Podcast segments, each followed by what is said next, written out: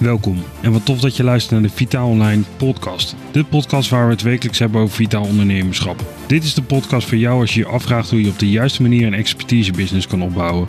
Waarin de expert zich focust op zijn expertise en waarin randzaken geautomatiseerd zijn.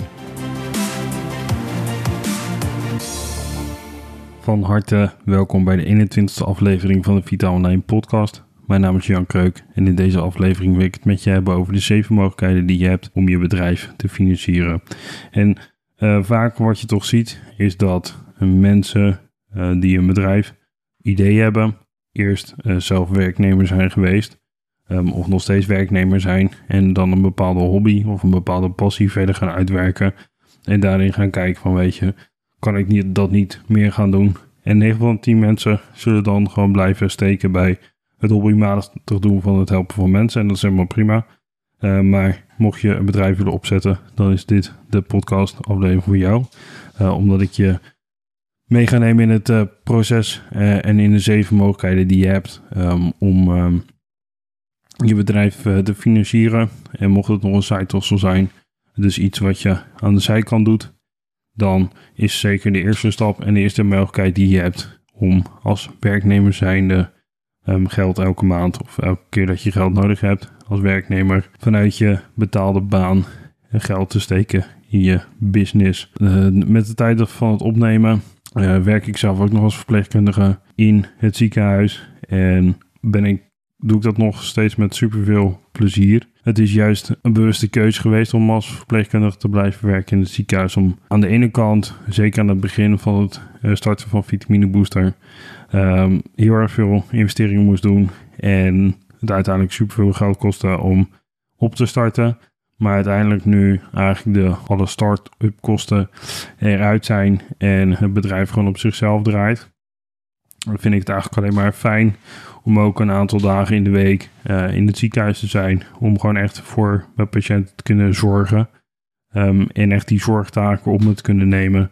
Uh, in plaats van echt als een eigenaar en als een baas uh, dingen moeten regelen. Beide kanten uh, help ik uiteindelijk mensen mee. maar dan vind ik toch de praktische verpleegkundige kant waar ik als eerste in mijn carrière voor heb gekozen. Nog steeds eigenlijk de leukste kant van het werk. En uiteindelijk um, is het ook wel gewoon leuk om um, in een andere hoedanigheid, dus als eigenaar van een bedrijf, uh, te werken. Alleen uh, zie ik gewoon niet voor me, uh, met de tijd dat ik dit nu opneem, ben ik zelf 27 jaar. Um, dat ik nu al eigenlijk een 40-urige werkweek of een 32-urige werkweek achter een bureau moet volmaken. natuurlijk heb ik dat eerder geprobeerd bij Wolf PT toen de tijd. Maar dat is uh, niet zo goed afgelopen. Uh, dat kwam niet omdat ik uh, niet tegen de 32-urige werkweek achter het bureau kon. maar gewoon omdat ik nog te weinig kennis en ervaring heb, had toen de tijd. wie weet heb ik dan nu wel de juiste kennis en ervaring op zak. Maar ook een goede keuze is denk ik gewoon om ernaast te blijven werken. Sowieso voor mij, omdat ik werk echt in een superleuk team. waar ik echt met dagelijks plezier naar mijn werk ga. Ik zou dat eigenlijk voor goud willen missen. Uh, daarnaast, de mensen met wie ik samenwerk binnen de bedrijven zijn ook super toffe mensen. Uh, maar ik heb toen de tijd echt uh, bewust voor dit team gekozen om hier te blijven. Um, en dat was niet alleen voor de doelgroep die we daar verzorgden, maar ook zeker voor het team. En daarom ben ik nog steeds binnen dat team invested in ja, de missie en de visie die ze hebben. En dat vind ik nog steeds echt super tof om, om daar een onderdeel van uit te kunnen maken. Samenvattend, zeker als je een betaalde hebt, kun je vanuit die betaalde baan um, geld steken in uh, je business. Um, om zodoende uh, groei te initiëren. Wat er voor de rest ook kan, uh, kan doen, mocht je een grotere uitgave willen doen, is dat je vanuit je eigen spaarrekening geld in je business pompt. dat heb ik ook tijden gedaan. Wat ik al zei, zeker bij het sluiten van Vitamine Booster, um, moest daar heel erg veel geld over de bal komen. Om een uh, supplementen ja, lijn te kunnen maken. Um, uiteindelijk um, ja, is, het, uh, is het een super tof concept geworden. Maar de initiële fundingsmogelijkheden die kwamen toch echt uit, de, uit de eigen spaarrekening. Wat eigenlijk dan natuurlijk de wens is. Um, en dat is mogelijkheid 3. Is dat het vanuit de cashflow die het bedrijf genereert. dat je daarvan je investeringen kan gaan doen. Dus op het moment dat een klant een product bij jou koopt, dat de winst die je daaruit haalt, dat je dat weer kan inzetten om nieuwe producten aan te kopen, nieuwe software aan te kopen, mensen uit te betalen om dingen voor je te doen. want dat is natuurlijk ook een heel erg groot onderdeel van het 100% doen waar je passie voor hebt en randzaken automatiseren. Dat is ook dat je mensen die ook 100% passie voor hun dingen hebben, dat je die kan uitbetalen om dat voor jou binnen jouw bedrijf te regelen. Zo heb ik bijvoorbeeld de gele boekhouding heb ik uitbesteed, uh, vormgeving heb ik uitbesteed, um, Facebook advertisement, Instagram advertisement heb ik allemaal uitbesteed. En niet omdat ik het zelf niet kan, maar omdat ik er zelf gewoon eigenlijk weinig mee heb.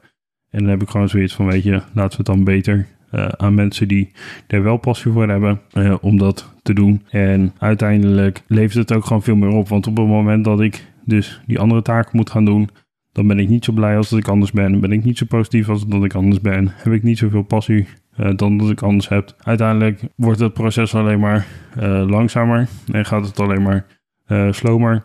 En daarnaast is er ook natuurlijk een kostenplaatje van het hele verhaal. Op het moment dat ik dat soort taken moet gaan doen, dan ben ik eigenlijk gewoon geld en tijd aan het weggooien. Omdat ik op die tijd dat ik die zaken waar ik geen passie voor aan, aan doen ben, um, kan ik geen andere dingen doen. Waardoor je uiteindelijk gewoon een een verlies-verlies situatie hebt. En zeker geen win-win situatie. Dus vandaar dat ik dan graag dit soort dingen uitbesteed. Um, en daarvoor is cashflow zeker belangrijk um, om die samenwerkingen te kunnen betalen. En dat kan natuurlijk zeker ook als je diegene mensen betaalt vanuit je loondienst, salaris of vanuit je eigen spaarrekening. Uh, wat je ook natuurlijk kan doen is, mocht je meerdere bedrijven hebben binnen jouw activiteiten, dat je vanuit daar geld overhevelt. Uh, zo heb ik een hele tijd vanuit uh, Vitaal Online ook geld in um, een vitamine booster gestoken. Om eigenlijk uh, de eerste periode door te komen totdat het nu een eigen bedrijf is. met eigen bestaansrecht. En nu gewoon zelfstandig kan, kan functioneren. Maar dat is ook een, ook een ding. Voor 9 van de 10 van de mensen die de podcast luisteren, zal dit eigenlijk een van de dingen zijn die niet voor jou tot de mogelijkheden geldt, omdat je gewoon maar één passie hebt, of in ieder geval één bedrijf hebt, uh, waar je misschien meerdere programma's in hebt lopen, maar niet dat je meerdere bedrijven hebt. Um, dus maar weet dat het ook een optie is. En dan gaan we kijken naar uh, de mogelijkheden die er zijn buiten jou om. Buiten jou als individu zijnde, buiten jou als bedrijf zijnde. Je zou ook geld kunnen lenen vanuit vrienden en vanuit familie. Een van de dingen waar ik daar wel heel erg upfront een disclaimer zou bij willen plaatsen, um, is let echt wel heel erg op uh, met het lenen van geld van vrienden en familie. Omdat zeker op bepaalde momenten uh, dat geld, of in ieder geval de financiële situatie, uh, tussen jullie kan ingaan staan. Um, zo heb ik in het begin van Wolf PT van, een, van een vriendin best wel wat geld geleend. Op een gegeven moment werd het echt gewoon een ding. Op een gegeven moment um, ja, hadden we een soort van relatie, laat ik het zo zeggen. Um, en kwam de hamvraag van, weet je, gaan we verder ja of nee? En ik had zoiets van, ja, weet je, ik vind het super leuk en super aardig, maar ik ben gewoon nu degene die een bedrijf wil gaan laten groeien. En ik heb niet de interesse om constant achter je aan te blijven lopen. Um, ik ben niet uh, geïnteresseerd in alle dingen waar jij geïnteresseerd in bent. En ik denk dat we hier gewoon een streep moeten trekken en ja, de relatie als een soort van rationele relatie verder moeten gaan.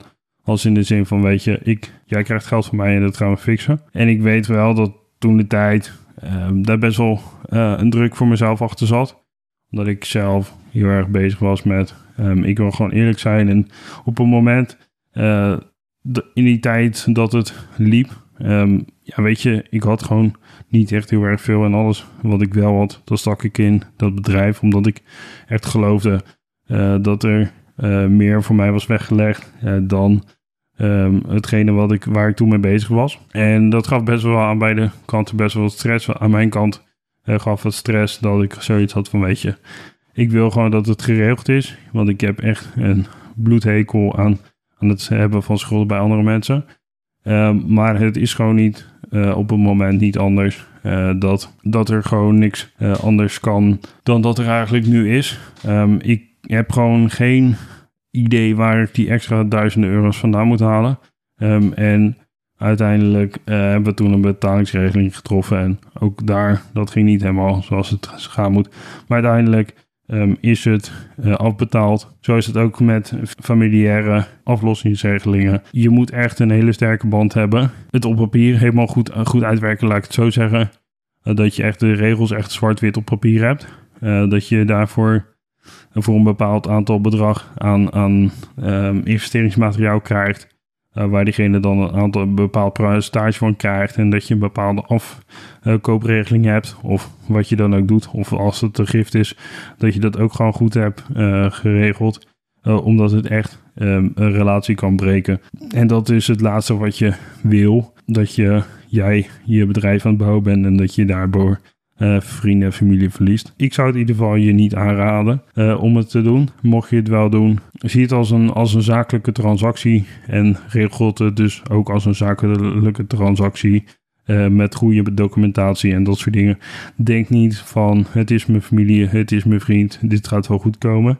Geld is een dusdanig krachtig middel op het moment dat je daar misbruik van maakt, of in ieder geval gebruik van maakt, alleen niet op de juiste wijze, dan kan het echt uh, tussen, tussen mensen in gaan staan. En in mijn ervaring ook al genoeg ruzies door ontstaan, echtscheidingen door ontstaan en allemaal andere vreselijke dingen. Dus uh, mocht je deze manier willen gebruiken, gebruik hem dan wel met fluwelen handschoenen aan. Zou ik bijna willen zeggen. Ja, wees er gewoon echt heel erg voorzichtig mee.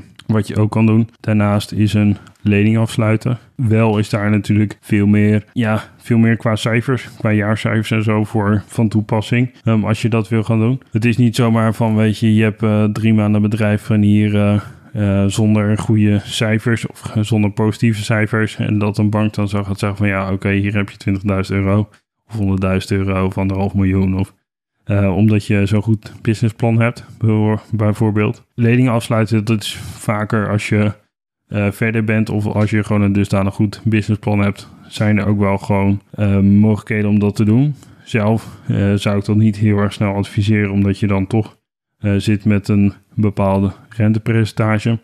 Aan de andere kant, als je dit rentepercentage als kostenpost uh, incalculeert en het op juiste wijze kan inzetten om je groei uh, te verspoederen, weet je, dan zou ik zeggen van, weet je, uh, doe het, maar wel van, laat jezelf eerst um, inlezen of lees jezelf eerst in of laat je, laat iemand meekijken die er verstand van heeft. mocht je dit soort dingen gaan inzetten, um, omdat uiteindelijk uh, je hebt wel een betalingsverplichting. Het is niet dat je op het moment dat je dat geld hebt opgemaakt uh, aan allemaal dingen waar jij het nodig vond, uh, voor vond en je hebt op een gegeven moment geen geld meer, dat dan opeens die lening stopt omdat jij geen geld meer hebt. Uiteindelijk moet je toch wel echt die, die lening terugbetalen. Um, wees dus gewoon heel erg, um, ja, wees er gewoon heel erg van doordrongen dat je je goed informeert. Uh, omdat uh, de kleine lettertjes nog steeds lettertjes zijn. En uh, je uiteindelijk daar je ook aan, aan hoort houden. hetgene wat je ook kan doen op begin of op langere termijn is het zoeken van investeerders. die jouw idee um, ja, goed vinden. En op basis daarvan een prestage krijgen van het ingeleg van je bedrijfsresultaten um, als zij een bepaalde, uh, wanneer zij een bepaalde som inleggen. Dat kan heel interessant zijn. Uh, zelf ben ik daar niet fan van, omdat je op basis van het percentage wat je afspreekt met zo'n investeerder, zij ook zoveel procent inspraak krijgen. Um, en dat is wat je zelf moet willen. Um, wil jij dat je een bepaalde experts uh, aan boord kan brengen? En wil je daar een bepaald percentage voor afstaan, uh, 10, 20 procent, ja, weet je, dan zou ik zeggen, ik zou het doen. Maar op het moment dat je zoiets hebt van, weet je, het ligt er gewoon super erg aan welke bedrijfsdoelen je hebt. Zeker als expertise ondernemer heb je toch wel hele andere doelen als de normaal, de, de, grote uh, bedrijven, productbedrijven bijvoorbeeld, of uh, consultancybedrijven. Um, die hebben toch vaak hele andere bedrijfsideeën, bedrijfsdoelen, waardoor een investeerder aantrekken van, van belang zou kunnen zijn. Um, uiteindelijk is de mogelijkheid, dus wilde ik hem met je bespreken. Uiteindelijk denk ik dat je het beste op een minimalistische manier te werk kan gaan, waarin je gaat kijken naar wat voor product, waar kan je de mensen echt resultaten mee geven. En probeer dat goed in de markt te zetten. Waardoor je betaald wordt voor hetgeen je waard bent. En uiteindelijk doordat je betaald wordt, je cashflow kan opbouwen. En dat je daarmee je bedrijf kan laten groeien. Dit was dan weer voor deze aflevering van de Vitaal Online podcast. Vind je dit nu een interessant onderwerp? Abonneer je dan zeker op deze podcast. Wil je meer insights of wil je zien hoe we je verder kunnen helpen? Ga dan naar vitaalonline.nl slash vitaal. Mijn naam is Jan Kreuk en ik spreek jou in de volgende aflevering.